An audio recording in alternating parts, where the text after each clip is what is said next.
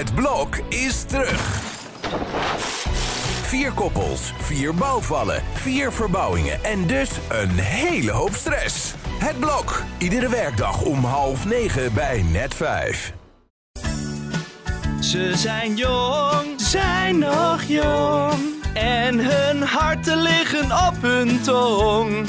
Altijd alert, erg alert. Hun mening eindelijk ongefilterd. Dit is Ongefilterd met Kitty en Elif. Heel gewoon, doodgewoon. Ik heb een dochter en een zoon. Heel gewoon, doodgewoon. Een rijtjeshuis waarin vrouw zit in de caravan. Ja, dat was even een leuke muzikale verrassing. Want we gaan het vandaag hebben over de gewone man. Eh, maar zoals eerst eh, zullen we iets vertellen over waar we ons deze week aan hebben geërgerd. Dus Zullen we voor de verandering jou laten beginnen? ehm, ja, dat is goed. Ik heb alleen wel... Ik, ja, ik twijfel een beetje. Ik heb een hele huishoudelijke ergernis. Een beetje een libelle ergernis. Ja, ik heb me dus eigenlijk de hele week niet geërgerd, want ik was vrij. En dat is heel Goed zo. lekker om thuis te zijn en vrij te zijn in plaats van op vakantie te gaan. Dat kan ik iedereen aanraden. Uh, maar ik had dus een nieuwe tv besteld of gekocht bij de Mediamarkt. En die werd vandaag bezorgd na een week. En ehm, toen kwam die jongen dus, ik woon in het centrum van Amsterdam. En dat is altijd super lastig met dingen laten bezorgen, omdat er natuurlijk nooit parkeerplek is. Ja. Ehm, En ik woon drie hoog, dus met een trapgat wat twee centimeter breed is. Dus die arme jongen die was helemaal die tv boven komen zeulen. Eh, en met al zijn gereedschap en noem maar op. En toen bleek dus dat de verkoper de verkeerde beugel erbij had gedaan. Om hem aan op te hangen. Oh nee. Dus hij kon niet opgehangen worden waar die dus voor kwam. En dan weet je weer gewoon, het is een totaal luxe probleem, maar klein leed is groot leed. Dat soort dingen zijn altijd super irritant. Zit zo'n ding niet gewoon in die doos dan? Nee, het is dus iets wat je apart erbij moet nemen, zodat hij aan de muur vast kan worden gemaakt. maar jij maar- hebt dus niet de verkeerde besteld. Nee, ik heb dus, ik stond eh, daar in die winkel, in de mediamarkt. En toen vroeg ik nog expliciet, deze past op die tv, hè? Dus. Maar nu? En nu moet ik een, eh, ja, ik heb hem nog niet gebeld, maar ik moet denk ik bellen voor een nieuwe afspraak. Die tv staat er op zich, maar hij staat nu op een, ik heb geen tv-kast, dus hij staat nu heel hoog op een ander soort kast. Dus ik moet als een soort schildpad omhoog kijken. maar goed, dus dat was mijn, eh, mijn, mijn huishoudelijke ergernis van de week. Nee, ik heb me ook eh, relatief weinig geërgerd, want ik was weer even op vakantie een weekje. Eh, maar toen werd ik wel daar Het herinnerd. klinkt wel als, echt alsof we alleen maar vrij zijn en op vakantie. Ja, terwijl Ja. echt het, het tegengestelde is waar. Want ik ga gewoon ongeveer half dood onder, onder de stress. Maar ik was dus even op vakantie. En toen werd ik herinnerd aan een ergernis die, waar, ik me lang niet over, waar ik lang niet over na heb gedacht. En dat is namelijk de term street food. Mm, ja, Ja, je voelt hem al, hè? ja. Ja. Eh, je hebt dan van die, eh, van die hokje, of hoe heet het, van die dingetjes, van die, nou dat heet dan food trucks, maar dat is gewoon een, een, een steentje op, weet je wel, een lumpia verkoper of whatever. En dat wordt nu dan tegenwoordig allemaal street food genoemd, terwijl het is eigenlijk gewoon een synoniem van redelijk gore snacks, toch? En je hebt nu ook allemaal van die restaurants die dan street food verkopen, terwijl ik denk, het is een restaurant, dus je gaat er zitten, dus het is per definitie geen street food. Maar dat is dan nu heel erg hip en zo. En daar erger ik me heel erg aan. Want eigenlijk is het gewoon een, een maskerade van dat het gewoon over het algemeen niet zo lekker is. En heel klein. Ik ben niet mee eens dat het niet zo lekker is. Ik vind het wel vaak van die street food. Nee, maar bijvoorbeeld ehm, als je dus op een, op een festival bent of zo. Dingen als van die standjes met haring en zo zou je ook streetfood kunnen noemen. Ja, maar het is vaak... ehm, ja, ik begrijp wat je bedoelt. Het is vaak eigenlijk een soort verkapte vreedschuur. Maar Ja. dan voor mensen die dan daar een andere naam aan willen geven. Dat Mhm. heb je in Amsterdam ook heel veel. Heb je heel veel de laatste tien jaar... Een soort restaurants die dan niet duur zijn, maar die dan alles eh, serveren op een, alleen maar op een plank. En dan sperrubs en Oh, ja, lekker een ja. stuk kip en authentiek. La plancha. eh, ja, ja, ja. Ja, En dan ja. eh, authentiek gemaakt en zo. Maar uiteindelijk is het gewoon een vreedschuur met gewoon vlees, patat. ehm, ja, en, dat is dan een soort van opgehipt, maar het is ja, eigenlijk het is gewoon... opgehipt, dus je betaalt drie of vier keer zoveel. Ja. Maar het zijn dan gewoon vreedschuren, maar dan voor de hoge klasse of zo. Ja, precies. Ja, Ja, ik snap wel. Ja, Ja, ik snap je. ergernis wel. dankjewel. Oké, we gaan het hebben over eh, de gewone man. Over wie we al ehm, de laatste jaren of de laatste decennia, denk ik, inmiddels ontzettend veel horen. Dus laten we even luisteren.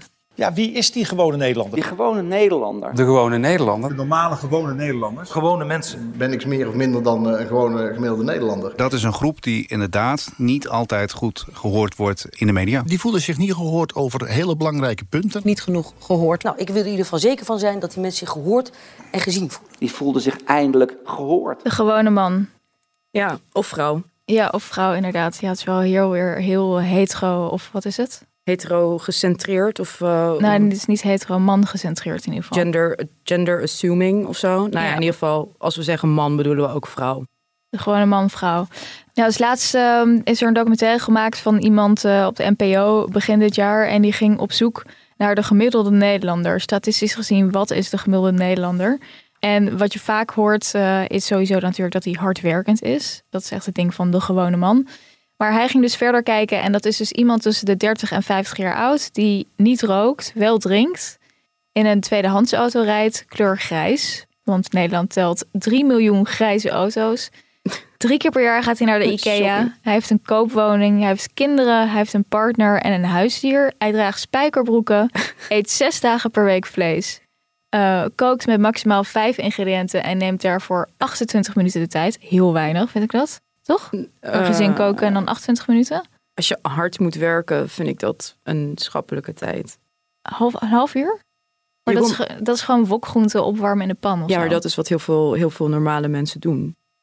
Gewoon wokgroenten okay, in de pan. Oké, okay, ja, maar dit is, hier zit alweer zo in dat ik dan niet normaal ben, maar goed. En er wordt ook gekeken naar um, wat de gewone man of de gemiddelde Nederlander het vaakst googelt. En dat is dus Rico Badder hoe laat. Ja. Wauw. Ja, herken je jezelf uh, in dit uh, in de beeld? Hoe gewoon vind jij jezelf, um, ik ga even de criteria af. Uh, ik werk heel hard, vind ik zelf. Ik ben tussen de 30 en 50 jaar oud. die andere dingen, ja, rook wel, drink ook. Rij een bescheiden tweedehands auto, niet een grijze. Nou, geen kinderen. Ikea ga ik nooit naartoe. Ik haat Ikea. Ik haat Ikea. Echt met een, met een diepe haat. Uh, spijkerbroek. Ja, ik denk dat ik... Um, ik vind mezelf dus helemaal niet gewoon en ook niet normaal. Ik vind mezelf eigenlijk best wel een paradijsvogel. Maar iedereen vindt zichzelf niet. Want dat zie je ook in die documentaire. Hij gaat op zoek naar de gemiddelde Nederlander. En niemand wil de gemiddelde nee, Nederlander niet. zijn. Want niemand wil gewoon zijn. Want we zijn natuurlijk allemaal... Speciaal very special. Ja, ja. ja en onze en jij bent natuurlijk ook een millennial, dus je ja. vindt jezelf sowieso uniek. Ja. Dus hoe, is het, hoe uniek is dat? Maar vind jij mij een gewone Nederlander dan? Um, ja, um, ik vind het een onzinterm, gewone Nederlander. Ja, je kunt wel iets zeggen over gemiddelde, maar je bent gewoon een Nederlander, dus je bent een gewone Nederlander. Ja, ja maar dit, dit beeld wat hier dan, wat het is ook weer, je zei, het is een documentaire van de NPO. Nou ja, dat is meestal niet de mensen die heel goed zeg maar, in contact staan met de gewone man. Dat weten ze ook van zichzelf. Maar het beeld wat hier geschetst wordt is natuurlijk wel heel erg stereotyp en cliché. Van de gewone, zeg maar, dit is nou, inderdaad dit wel... Dit is statistisch de gemiddelde man. Ja, maar dit is ook gewoon. wel echt wat je in je hoofd hebt, toch? Bij de, bij de gewone man. Nee, want als het uh, de, vaak hoe het wordt ingezet uh, in het debat, de gewone man of door politieke partijen, hebben ze ja. daar allemaal een heel ander idee bij wat ja. die gewone man is. En dat is niet per se dit dat is een, een, een bo zijn boze burgers of dat zijn. Ja, uh... nou ja, ik denk, ik denk dat zeg maar van, van middenpartijen dat dit wel het beeld is van de gewone man. Dus als je het, ja, uh, VVD, CDA en zo, denk ik wel dat ze dit soort mensen bedoelen als gewone man. Terwijl als je op de flanken wat extremer gaat, dat dan de gewone man inderdaad meer in de buurt komt van schuimbekkende tokkies. Ja, maar ik denk dus dat um, het gewoon vooral een ongemak is om het over klassen te hebben. Dus wat partijen dan als CDA het heeft over de gewone man. Dus Buma heeft zijn hele HJ schoollezing een paar jaar geleden. kwam geloof ik de gewone man echt 35 keer voor in ja. uh, die lezing. Die gewone Nederlander. Die gewone Nederlander wil gewoon wel werken. Maar steeds loopt die gewone Nederlander vast. En als we nou die boze burgers de gewone Nederlander noemen. Waarin je als gewone Nederlander, die gewone Nederlanders, de gewone Nederlanders, de gewone Nederlanders, maar de gewone Nederlanders, de gewone Nederlanders. Dus dat zegt wel natuurlijk wel um, iets over, ja, dat het dus heel belangrijk is om dat aan te spreken. Maar de gewone man, wat er eigenlijk mee wordt bedoeld, is gewoon iemand uit de middenklasse. Dus je wil eigenlijk gewoon een middenklassepartij zijn. Maar omdat we in Nederland zo'n ontzettend ongemak hebben met klassen benoemen, komen er dus allerlei andere termen ook voor, denk ik. Eh, ja, terwijl we hebben ook wel een hele grote middenklasse in Nederland. Dus in, in dat opzicht zou het niet... Ja, ik denk dat mensen moeite hebben met de onderklasse. Nou ja, Henk en Ingrid ze- het zit dan wel meer gewoon aan de, de lagere middenklasse qua profiel, denk Ja. ik, wat, wat Wilders dan eh, uitdraagt. Ja, maar je, je, hebt, je zou ook mensen hebben, denk ik, die dat kwa- kwalificeren als onderklasse. Wat vroeger de arbeidersklasse was. Ja, ja, ja, maar dat heb je natuurlijk ook. Ja. Ja, maar dat is inderdaad dus lage, lagere middenklasse, hogere middenklasse. Dus dat je binnen de middenklasse, omdat we zo'n grote middenklasse hebben, daar dan ook nog onderscheid in gaat maken. Ja, maar het was gewoon eh, op een gegeven moment heel erg eh, werd het hip voor politieke partijen om zich allemaal bezig te gaan houden eigenlijk met die eh, de gewone Nederlander. Dus eh, GroenLinks ging ook een soort schoolkantine tour doen en dan op zoek naar de gewone Nederlander, dus dan de buschauffeur en de docent en die zijn boos over ehm, nou ja, gewoon afbraak van onderwijs, zorg, noem maar Ja. op. Eh, wat ook zo is. Wie werkt er in de zorg? Ja? En wie werkt er eh, in het onderwijs? Zijn er ook buschauffeurs? Uh, de kantine toe gaan we met, eh, met mensen, de, de stille motor in gesprek. Dat zijn de mensen die, die Nederland draaiende houden. Allemaal mensen Eh, maar het is dus heel grappig hoe dat denk ik als profiel wordt ingezet. In huis, hier bij de Telegraaf, hebben we natuurlijk onze eigen bezorgde burgerfluisteraar. Zoals hij een keer heel mooi werd genoemd door Geen Stijl. En dat is Wiert Duk. Dus laten we even luisteren naar wat hij hierover te zeggen heeft. Weet je wat eh, volgens mij het probleem is met de gewone man die zegt dat hij niet gehoord wordt? Dus zeg maar de ongehoorde burger, dat is dat hij nog, en zij, nog gelijk heeft ook. En volgens mij komt dat doordat de meeste politici in de Tweede Kamer en ook wij, mensen in de media, tegenwoordig allemaal zo hoog opgeleid zijn. En doordat we zo hoog opgeleid zijn, ook in een bubbel van hoogopgeleide eh, leven. En in de Tweede Kamer tegenwoordig zitten vooral allemaal politieke assistenten. Mensen die nooit met hun eh, voeten echt in de modder hebben gestaan. Maar altijd in de politiek werkzaam zijn geweest. En uiteindelijk via allerlei politieke baantjes opklimmen naar de Tweede Kamer. En dan ergens eindigen als eh, staatssecretaris. En hopelijk natuurlijk, dat hopen ze dan als minister. En je ziet dan dat die kloof tussen die wereld, eh, met die wereld van de gewone man, eh, die wel degelijk bestaat, enorm eh, groot is geworden. Ja, dus eigenlijk wat Wiert zegt is de grootste kloof is dat tussen hoog en laag opgeleid. Ehm, en dat is ook wel iets wat blijkt uit de statistieken dat eh hoog opgeleide en laag opgeleide steeds meer in een eigen bubbel zitten. En dat je vroeger tijden van de verzuiling ook veel meer had dat mensen gebonden werden door andere dingen. Eh, en dat nu opleiding best wel Ja. een scheidslijn is in de samenleving. Ja. En ik denk wel dat daar iets voor te zeggen is. Ehm, ja, wij zijn allebei hoog opgeleid. Hoeveel laag opgeleide vrienden heb jij? Oeh, ehm, ja, nul, denk ik. Even nadenken hoor. Volgens mij echt, ja, als je laag opgeleid onder HBO. Ja, eh, laag opgeleid mag eigenlijk niet meer. Eh, Nee, oh ja, opgeleide. so- sorry. Ja, eh, praktisch opgeleid. Sorry, Zini en Marianne. Maria, ja, Sine Stil, Marianne Zwagerman. Nee, ik heb er denk ik, ja, vrienden. Nee, ja, hele, nee, nul. Ja, en jij? Ehm, even denken. Ik heb wel mensen in mijn omgeving die op MBO zijn begonnen. Maar ja, vaak wel. Ja, wa- waar kom je ook veel vrienden tegen? Stapelaars, dus die, die daarna zijn doorge... ja. Ja.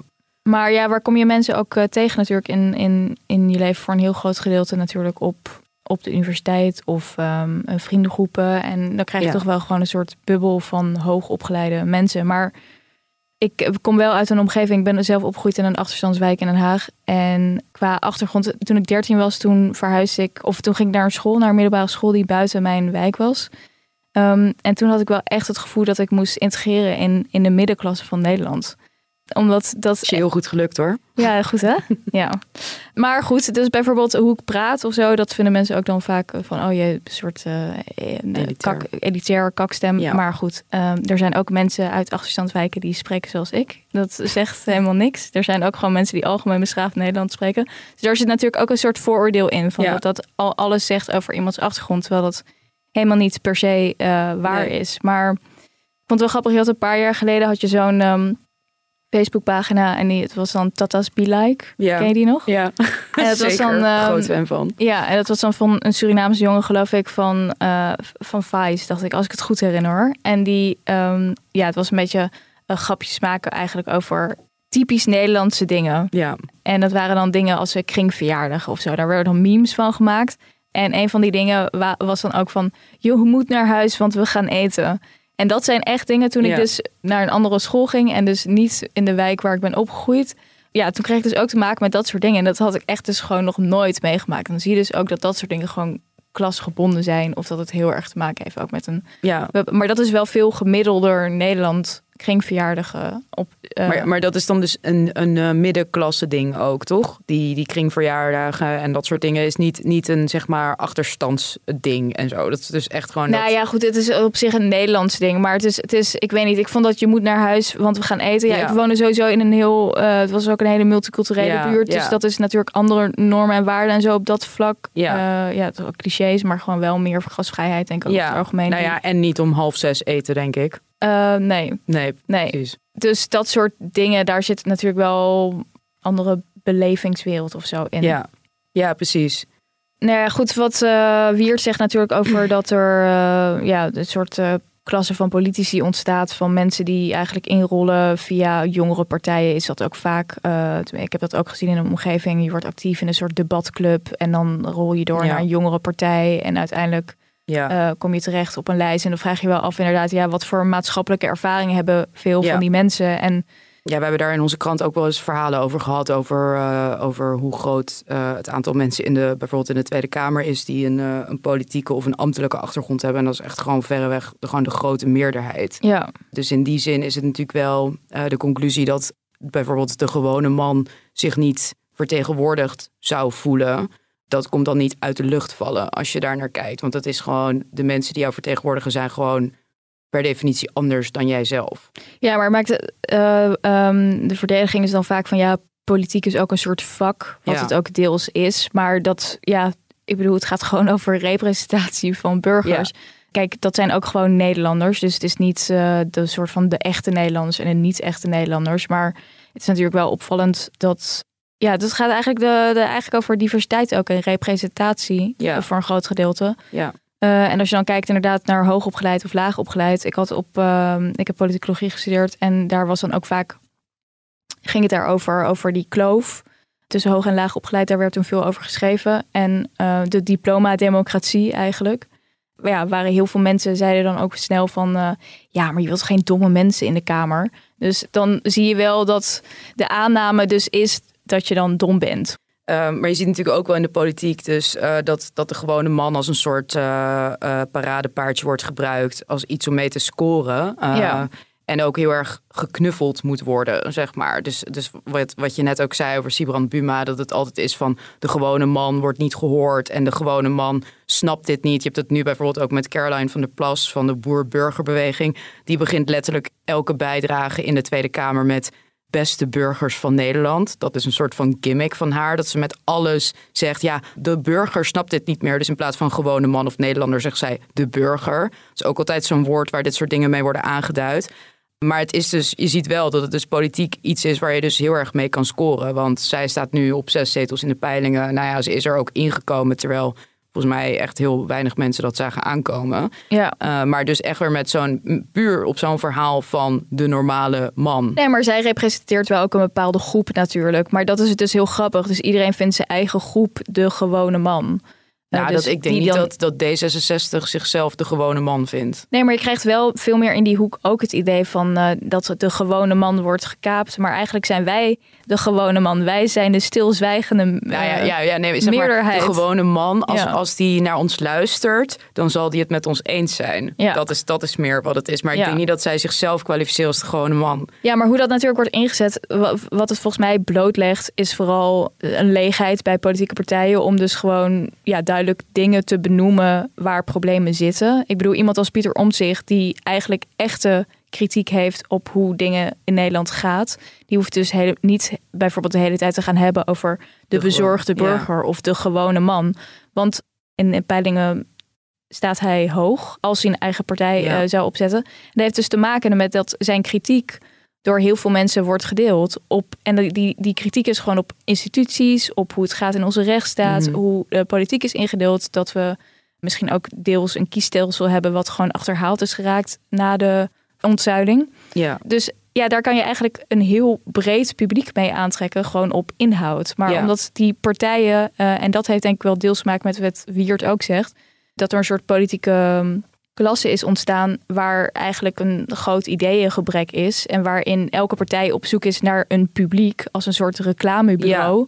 In plaats van dat ze op zoek zijn naar gewoon ideeën en Nou ja. die uitdragen. Ja, je, je hebt geen ideologische zeil meer, meer eigenlijk. Dus het is allemaal, iedereen is eigenlijk op zoek naar een soort meerderheid, Ja. zeg maar. En wat de grootste groep is. En daar wordt dan een beetje aan geconformeerd. Van, Ja. Want dan spreek je de meeste mensen aan en dan word je het grootst. Terwijl dat natuurlijk helemaal het, niet het idee is van een, een parlementaire democratie... om zeg maar altijd de grootste groep aan te moeten spreken als partij. Ja, maar dat bedoelen ze dus met de gewone man. Proberen ze gewoon te zeggen de meeste mensen. Ja, zonder dus te hoeven te formuleren Ja. wat dat dan Maar betekent qua ideeën. Ja, maar daar krijg je dus inderdaad ook schuwheid van, van met het benoemen van bepaalde onderwerpen of met een, een kant kiezen in bepaalde onderwerpen en zo, waardoor alles een soort kleurloze brei wordt wat op elkaar gaat lijken. Ja. Eh, wat je nu ja, bij de middenpartijen ook toch best wel ziet, vind ik. Ja. Eh, Ja, niet alleen bij de. Ja, je ziet het bijna overal, eh, Ja. toch? Nou ja, je hebt het midden en je hebt de flanken. En, en daartussen zit niet zoveel. En er zit ook, ja, er zitten nuanceverschillen in. Maar ja, met het vormen van coalities is het toch wel vaak zo dat, dat uiteindelijk je op hetzelfde uitkomt. Op hetzelfde type beleid als daarvoor. Ja, maar iemand die hier eh, meer over weet en die, die weet wat de gemiddelde Nederlander ehm, dan echt is en wat hij ook stemt en of die eh, links of rechts is en eh, of dat eigenlijk klopt met de denkbeelden die hij heeft. Ehm, dat is eh, Josse de Voogd. Die heeft daar heel veel onderzoek naar gedaan. Eh, dus- Sociaal geograaf. Sociaal geograaf. Dus laten we even met hem bellen. Dit is de receptie van Ongefilterd met Kitty en Elif. Ik verbind u door. Met Josse de Voogd. Hoi Josse, met eh, Kitty en Elif. Hallo. Hey, hoi. Ja, jij hebt heel veel onderzoek gedaan naar ehm, de gewone man. Dus zou je ons kunnen vertellen, wie is de gewone man? Ja, ik ga eigenlijk uit van ja, het, het gemiddelde in plaats van gewoon, maar dat, dat kun je min of meer als hetzelfde zien. Dus eigenlijk van ja, als je alle Nederlanders bij elkaar gooit, ja, waar kom je dan uit? Waar is het meeste van? Ja, en dan eh, kijk ik het vooral heel ruimtelijk. Ik ben eh, ja, alle gemeenten van Nederland heb ik wel eens bezocht. En gewoon oneindige grote afstanden door Nederland afgelegd. En niet alleen op de toeristische plekken. Ja, dan zie je gewoon hoe mensen wonen, hoe ze eruit zien. Ja, dan denk ik aan zo'n winkelstraat in Leerdam of zo. Met van die eh, ja, hele gemiddelde winkelketens. Ik denk wel dat de HEMA dat dat toch het ultieme Nederland is. Ja, de rijtjeshuizen. Maar ehm, welke gemeente is het, is het meest gemiddeld? Ja, je hebt er een paar die heel erg dicht bij elkaar liggen. Zoals eh, ja, IJsselstein, Culemborg. Plaatsjes als Woerden, Vianen. eh, en Zoetermeer, toch? Zoetermeer toch ook? Ja, Zoetermeer ook wel. Inderdaad, van die eh, ja, niet heel uitgesproken katholiek of protestants of onkerkelijk. Gewoon precies de landelijke verhouding. Ja, precies de landelijke verhouding qua migratieachtergrond. Ja, een heel klein wit dorp in Friesland of een hele multiculturele stad in de Randstad is allebei niet representatief. Terwijl soms wordt gedaan alsof Nederland alleen uit die uiterste bestaat. Ja, het echte gemiddelde Nederland vind je toch in die middelgrote plaatsjes die heel vaak over het hoofd worden gezien. De afgelopen jaren gaat het natuurlijk heel vaak over de gewone man. En de gewone man wordt niet gehoord. En het idee van, ja, dat komt natuurlijk ook bij van de bezorgde burger. En ik vroeg me af, is de gewone man een bezorgde burger? Zijn dat synoniemen van elkaar? Ehm, wordt er soms iets te veel van gemaakt, denk ik. Ik denk eigenlijk dat, ehm, dat zeg maar, het, het populisme of het, het maatschappelijk onbehagen zeg maar, is dus wel een soort reactie op dat de bovenlaag van de samenleving wijkt eigenlijk te ver af van dat gemiddelde. Dus en ja, op wat voor manier deel, dan? Heeft dat dan met opleiding te maken? Of met, Ja, is, is dat een klassending? ja, qua opleidingsklasse en ja, qua, qua waardeoriëntaties. Dat, die, ehm, ja, dat, dat de bovenlaag veel mobieler is qua waar ze wonen. Wonen vaak niet waar ze geboren zijn, maar zijn voor studie ergens heen getrokken. Ja, de sociaal eh, mobieler, die, die klimmen meer op de ladder. Is dat het? Ja, Maar ook, ook dus een, een globalistischere insteek, bedoel je dat ook? Ja, ja, veel cosmopolitischer en eigenlijk ja, meer op een soort van kennisnetwerken tussen steden en met andere landen gericht. Ja, terwijl de gemiddelde Nederlander woont over het algemeen, ik weet niet meer precies hoeveel kilometer, maar woont eigenlijk vlakbij waar ze geboren zijn en waar ook hun ouders wonen. Ja, dat verschilt ook wel per regio, maar ja, hele grote gebieden, daar zijn mensen gewoon heel erg honkvast. Ik denk dat dat heel vaak wordt onderschat. En ja, ik zie dan dat, dat onbehagen, zeg maar, populisme als tegenreactie daarop. Maar het betekent niet per se dat, dat de gemiddelde burger zo is. Het is meer, het, het moet een beetje gecorrigeerd. Maar het is, ja, de gemiddelde burger is gewoon letterlijk de gemiddelde burger. Dat is niet de, niet per se een PVV'er. Alleen zie ik de PVV dus wel als een correctiekracht, zeg maar, in dat uh, geheel. Een correctiekracht op de bovenlaag. Ja, van ja. de samenleving is gemiddeld, is ietsje meer PVV dan de bovenlaag. Maar de PVV representeert absoluut niet dat gemiddelde. Dus dat is, uh, en, ja, is net verschillende insteek. Wat is dan de meest gemiddelde partij? Zeg maar, waar stemt de, de gemiddelde mens op? Uh, ja, dan kom je over het algemeen nu bij de VVD uit. Omdat, uh, ja, sowieso is dat natuurlijk de grootste partij. Maar eigenlijk in, die, in de, tegenstellingen die op dit moment relevant zijn. Uh, dat is steeds meer eigenlijk een culturele tegenstelling in plaats van sociaal-economisch. Ja, is de VVD eigenlijk een middenpartij geworden. Terwijl ze misschien puur als je kijkt naar economische factoren wel aan de rechterkant staan. Maar ja, je ziet steeds meer die polarisatie rond thema's als globalisering en migratie. Ja, en dan staat de VVD gewoon in het midden en die weet heel goed al die verschillende groepen te combineren. Je ziet dat PvdA en CDA toch best wel verscheurd zijn in allerlei verschillende groepen die naar allerlei verschillende partijen zijn gegaan. En de VVD blijft eigenlijk als enige overeind.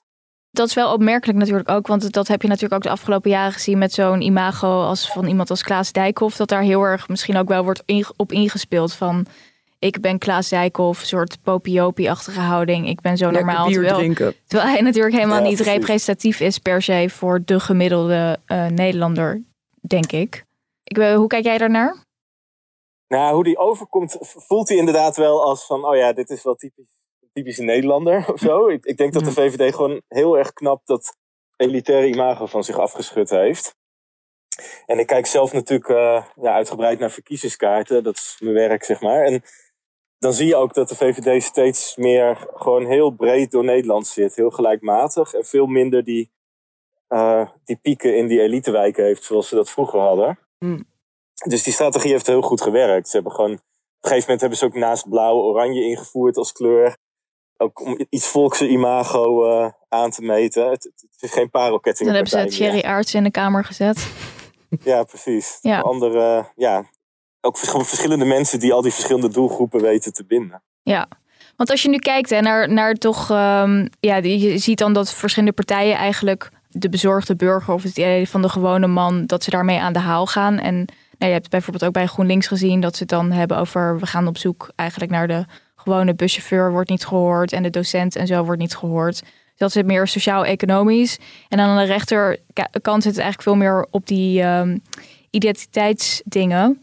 Eh, maar het is dus Mhm. grappig bij de VVD dat daar zit volgens mij ook wel wat woede eigenlijk over het onderwijs en over de zorg. Of tenminste, daar klaagt, er wordt eigenlijk breed in Nederland over geklaagd. Maar toch wordt er op een partij gestemd telkens die ja, daar eigenlijk niet mee bezig is. Ja, nu, nu zegt Daniel Koerhuis opeens dat hij natuurlijk heel erg voor bouwen, bouwen, bouwen is.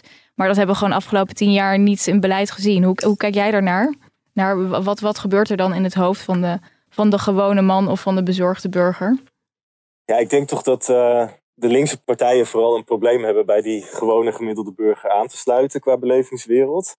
Ja, die, die aanhang zit, en zeker het partijkader, toch meer geconcentreerd in grote steden die helemaal niet gemiddeld zijn.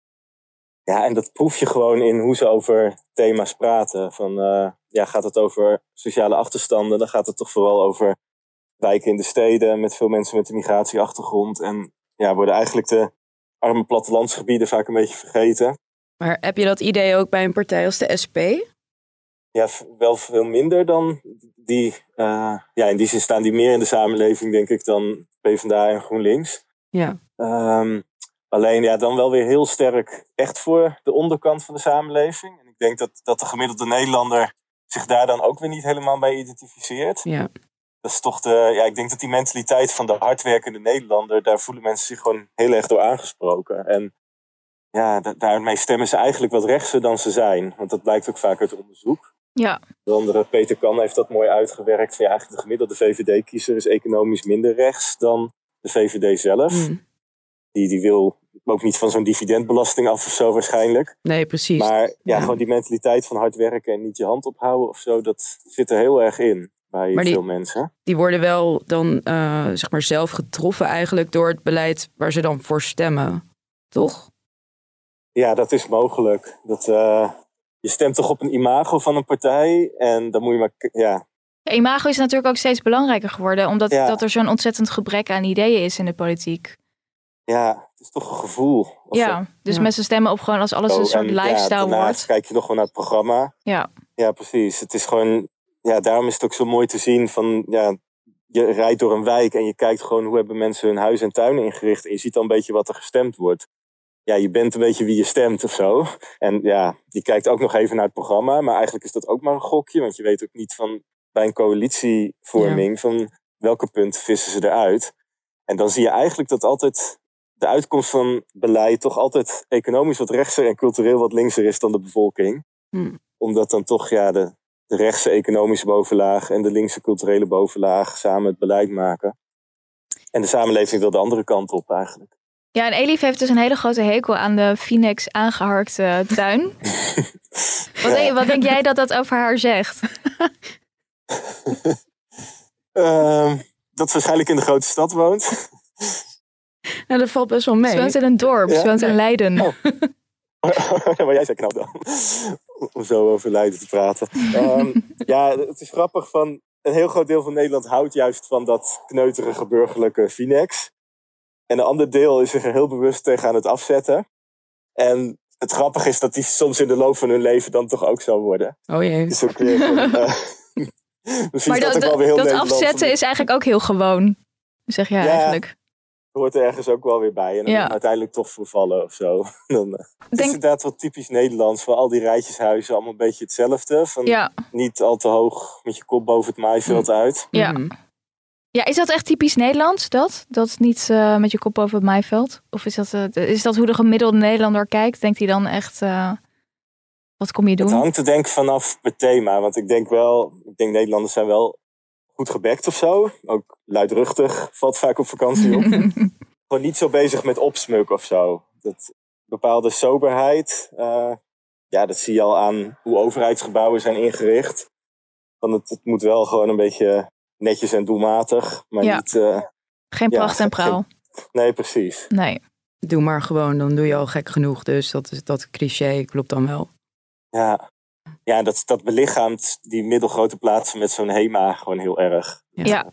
Hoe gemiddeld ben jij zelf, doelmatig. Josse? Niet zo heel erg, denk ik. Nee? Dat, eh, nee, ik woon in de grote stad. Klein huis, ben hoog opgeleid. eh, zelfstandige, niet gewoon in loondienst. Ja, dan wijk je al op zoveel punten af. Vegetariër. Ja, en is het de gemiddelde Nederlander, is die, eh, wat, wat is de gemiddelde opleiding? Want heel veel Nederlanders zijn wel hoog opgeleid. Inmiddels. Nou ja, dat neemt heel erg toe. Als je kijkt naar scholieren nu, dan is zeg maar de helft is HAVO-VWO en de helft eh, VMBO. Ehm, maar dat, dat moet natuurlijk nog doorwerken in de arbeidsmarkt. Dus Ja. op zich is de gemiddelde Nederlander nu nog een MBO'er. Ja, soms nog wat extra opleidingen erbovenop gedaan of zo binnen het werk. Er is een heel mooi eh, onderzoek geweest. Dat was naar aanleiding van een documentaire van de NTR over ehm, ja, wie is de meest gemiddelde Nederlander. En die hebben ze toen uiteindelijk gevonden in een straat in Wiegen. Ja, die deed ook een of ander technisch beroep. Maar eh legde die buizen aan in een olifantenverblijf. Ik weet niet precies. maar zo'n heel gemiddeld iemand, eh, ja, die hadden ze dus gevonden. Stemde ook VVD. Ja, ja, ja, die hadden we ook gezien, die documentaire. Ja, ja. heel eh, grappig om zo statistiek dan zo naar het echte leven te vertalen. En dan echt Ja. daarnaar op zoek te gaan. En het was ook mooi dat ze in Wiegen uitkwamen. Want bureau Louter, die heeft ook allemaal van die statistische data. Die, die hadden ooit ook uitgezocht van, ja, dat Wiegen de op één na meest gemiddelde gemeente was. Mm. Op grond van allerlei demografische cijfers. Dus het was wel leuk dat ze daar uitkwamen. En dat ze hem daar ook echt vonden. Ja, ze hebben Ja. gewoon net zo lang doorgezocht eh, ja, op allerlei kenmerken. Van ja, dit is hem. Ja, geweldig. Ja. Heel erg bedankt, Josse. Was heel erg verhelderend.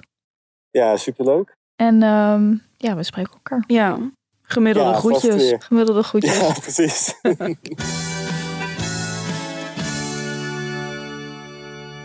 Ja, ik ehm, vroeg net al even aan eh, Josse, want ehm, ja, ik hoor jou altijd ranten over uh, Phoenixwijken en eh, middelmatigheid. Dus ehm, ja, hoe kijk, hoe kijk je daarnaar? Want eh, we hebben nu natuurlijk gewoon politiek gezien, vooral over eh, de gemiddelde Nederlander. Maar ja, jij bent niet echt dan een gemiddelde Nederlander. Maar Ja, Josse die zegt dat ik uiteindelijk ook eh word, word ge, ja, er, er, is, gekneveld. er is niets uh, Nederlands er dan een soort afkeer van je Nederland zijn, denk ik. Nee, ik heb geen afkeer van Nederland zijn, maar ja, kijk, het, ik heb altijd Oké, laat ik een voorbeeld noemen. Als je heel veel radio luistert, doe ik de laatste tijd weer wat vaker. Nou ja, als je dan die reclameblokken hebt, dat is zo'n verzameling van gemiddeldheid. Want dat zijn dus alleen maar reclame voor goedkope, eh, nou ja, verzekeringen, goedkope vakanties. Goedko alles is goedkoop ook altijd. Eh, voor de etels, of nee, voor de, die schreeuwerige kutreclames van de kruidvat, weet je wel. Heb ik echt een tyfushekel aan. Uh, maar het is dan als je daarnaar gaat luisteren, daar zie je echt een patroon in. Dat je denkt, oké, dit is echt gericht. Zeg maar, die advertentieruimte is echt gericht op de gemiddelde Nederlander. Die met de auto naar zijn werk gaat en die dan naar de radio luistert. Moet je maar eens doen voor de, voor de grap, gewoon naar die reclames luisteren. Zo'n blok. Het is één en al Phoenix, hel, van oh, je wil naar de gamma of je wil naar de, naar de, nou ja, allemaal van dat soort dingen. Bouwmarkten, verzekeringen, vakanties, echt van die dingen, waar, barbecue, weet je wel. Echt gewoon dat hele gemiddelde, maar ook dat je denkt, als je in een politieke of journalistieke ruimte begeeft continu, dan raak je dus af en toe een beetje los van dit soort dingen. En dan denk je dus dat uh, alles gaat over klimaat en duurzaamheid en zo. Als je dan zo'n reclameblok luistert, dan word je in één keer teruggecatapulteerd naar 2005 of zo. Dat je denkt van, wow, oké, de wereld is echt... Af en toe komt er wel trouwens duurzaamheid. Maar goed, mensen hebben toch altijd wasmiddel nodig?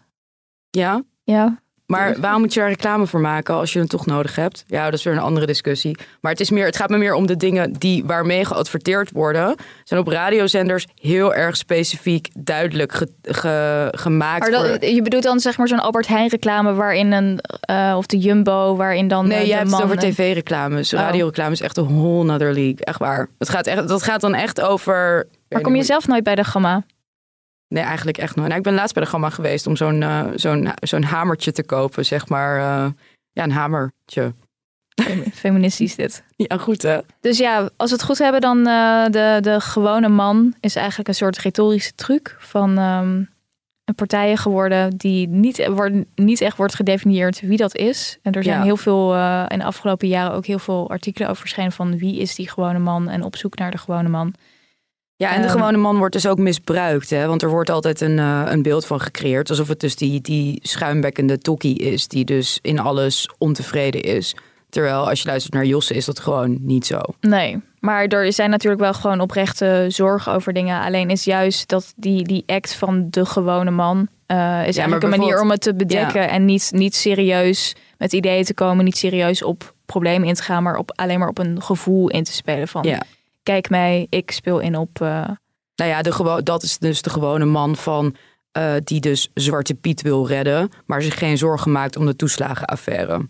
Bijvoorbeeld. ja.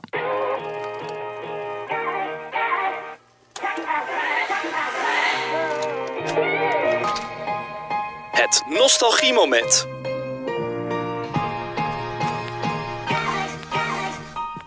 Uh, maar jij hebt natuurlijk zo'n hekel aan Phoenixwijken, maar weet je wie ook heel veel wordt gelezen in Phoenixwijken? Alleen van Rooyen. Ja. ja.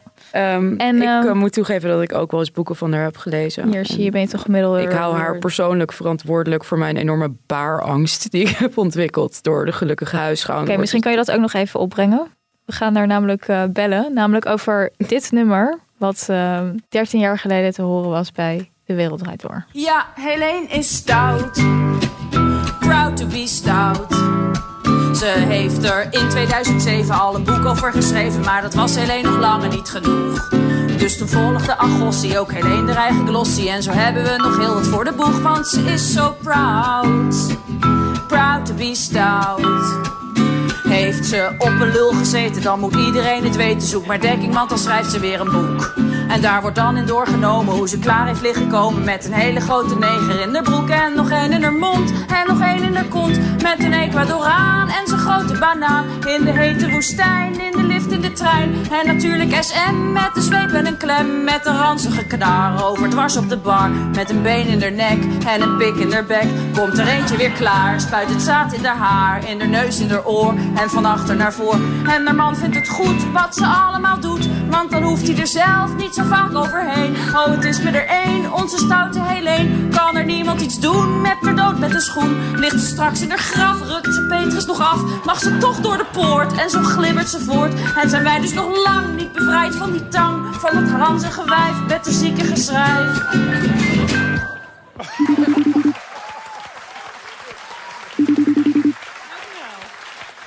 Met Helene. Hoi Helene, met uh, Kitty en Elif.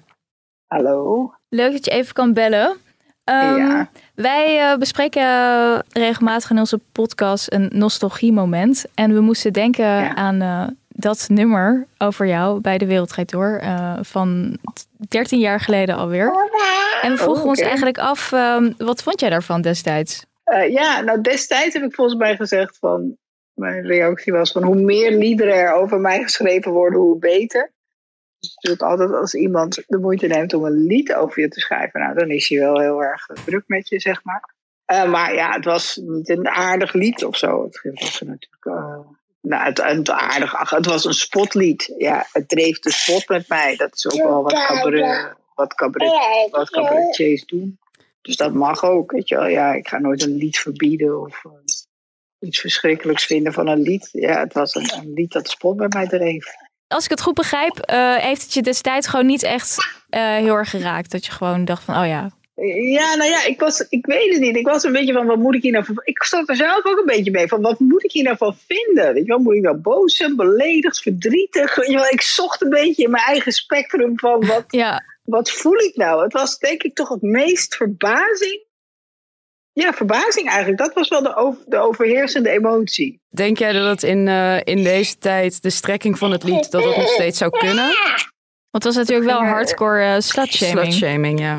Nou ja, ik heb er wel aan gedacht in de zin van, nou, dat is iemand die zijn seksualiteit blijkbaar echt anders beleeft en niet vindt dat je wat zeg je, de diplomatiek? ja. ja, maar ik denk dat dat zo is. Ik denk als dat zo'n doorn in je oog is, dat het altijd meer zegt over jezelf dan over degene. Het gaat altijd over jezelf natuurlijk. Als jij je daar zo aan ergert, dan heb jij een issue met dat. Met seksualiteit en openheid en vrijheid daarin. Ja. Uh, want anders ergert het je niet zo. En daarom slaat zo'n lied waarschijnlijk ook aan, omdat heel veel mensen dat natuurlijk hebben. Heel veel mensen hebben toch een, een issue met seks, vinden het moeilijk, vinden het vies of raar of ingewikkeld. Of ja, je hoort daar niet over te praten. Of, het is ook een beetje het ouderwetse standpunt daarin. Van vrouwen die lol hebben aan seks en al snel sletten. Het is wel frappant dat een andere vrouw dat zingt. Dat vond ik nog eigenlijk het meest verrassende. Ik denk dat dat mij het meest is bijgebleven van zo, dat is niet echt een zuster, weet je wel. niet feministisch. Zie je dat zo? Ik weet, heb je, bekijken jullie dat zo als je er nu op terugkijkt? Dit zou echt never, nooit nu op de NPO gewoon hardcore zo iemand. Uh, ja. Dat zou echt, echt totaal als slutshaming wordt gezien. En vooral dat iedereen dan ook zo zit te klappen en zo. Aan de ene kant Ja, past ook wel bij een soort Ja. Hollandse polemiek, van, polemiek van gewoon heel hard zijn. En ja, dat, dat kan natuurlijk ook gewoon, dat is ook een soort traditie in Nederland. Dat, dat kan ook gewoon grappig zijn. Ja. Maar dit was natuurlijk Ja. echt extreem op de persoon. En ja, alleen maar gericht om, om jou, om te zeggen van alleen van Rooyen is een slet. Ja. Ja, Helene van Roosendaal. Nou, maar vooral ook van... Helene van Rooyen moet dus ophouden over seks te schrijven of te praten of te, te, te hè, dat in haar werk te gebruiken. En dat, is, dat vond ik eigenlijk het gekke. Want als schrijvers dat doen, dan wordt dat nooit zo veroordeeld, zeg maar. Jan Wolkers wordt erom geprezen. Ja. Ja, dus dat is altijd een beetje het gekke. En als je het als vrouw doet, eh, dan is het helemaal fout. Maar had jij dat minder raar gevonden als een man dit had geschreven en gezongen? Ja, dat denk ik wel. Dat had ik, mm, ja, nou, dat had me minder verbaasd. Omdat mannen zich daar vaak door aangevallen voelen of, of dat raar vinden, weet je wel. Die, die zijn dan eerder een beetje bang. Zo van, oh jee, wat is dit voor type, weet je wel. Ja. Dus dat, dat had ik eerder verwacht dan, dan een vrouw. Omdat ik juist ook meestal reacties krijg van vrouwen van... Hé, hé, gelukkig, ik ben zo blij dat jij er gewoon normaal over praat en over schrijft. En dat het gewoon voor jou niet een, iets, iets buitennissigs is als je van seks geniet. Of ja, heel veel vrouwen vinden dat juist eh, heel prettig. Dat er een andere vrouw is die daar open over is. Ik denk vandaag de dag zouden veel mensen gewoon gaan bellen naar DWDD of op Twitter zich gaan uitlaten van eh, dit is echt belachelijk. Of... Maar dat heb jij dus gewoon eh, helemaal dat, niet. dat weet ik. ben ook niet iemand die op Twitter vaak roept van... oh, dit is belachelijk, dit kan niet. Weet je wel? Mhm. Ik ben wel heel erg natuurlijk van het vrije woord... en dat je mag, je mag uiten en mag op zich mag zeggen wat je wilt. Het zou nu denk ik inderdaad wel wat... Ik denk dat je daar wel gelijk in hebt, dat het meer teweeg zou brengen in de zin van... want toen vonden mensen het allemaal hilarisch, weet je wel, Ja. van, oh, grappig. Dat zou nu misschien meer gemengde reacties opleveren van... zo, Ja. dit was wel heel hard. Weet je wel? Dat denk ik ook wel. Dus als, komen als ik het even samenvat, jij werd eh, hardcore geslutshamed eigenlijk. Daar zijn we het wel over eens. Ja, dat zijn jouw woorden. Ja, ik, ik weet het niet. Ik weet niet of dat dus slutshaming is. Omdat, dat vind ik niet echt, omdat het toch meer gerelateerd was aan mijn werk. Ik zag het niet zo op de persoon. Ik zag toch meer van... Ja, zij vond eigenlijk gewoon, je moet een toon- toontje lager zingen. Je moet het thema wat jij aansnijdt, irriteert mij heel erg. Het was meer seksshaming, vond ik. seksshaming dan slutshaming. Dat was, ja, ik, ik zag dat niet zo. Heel erg bedankt. Nou, dankjewel. Heel graag gedaan.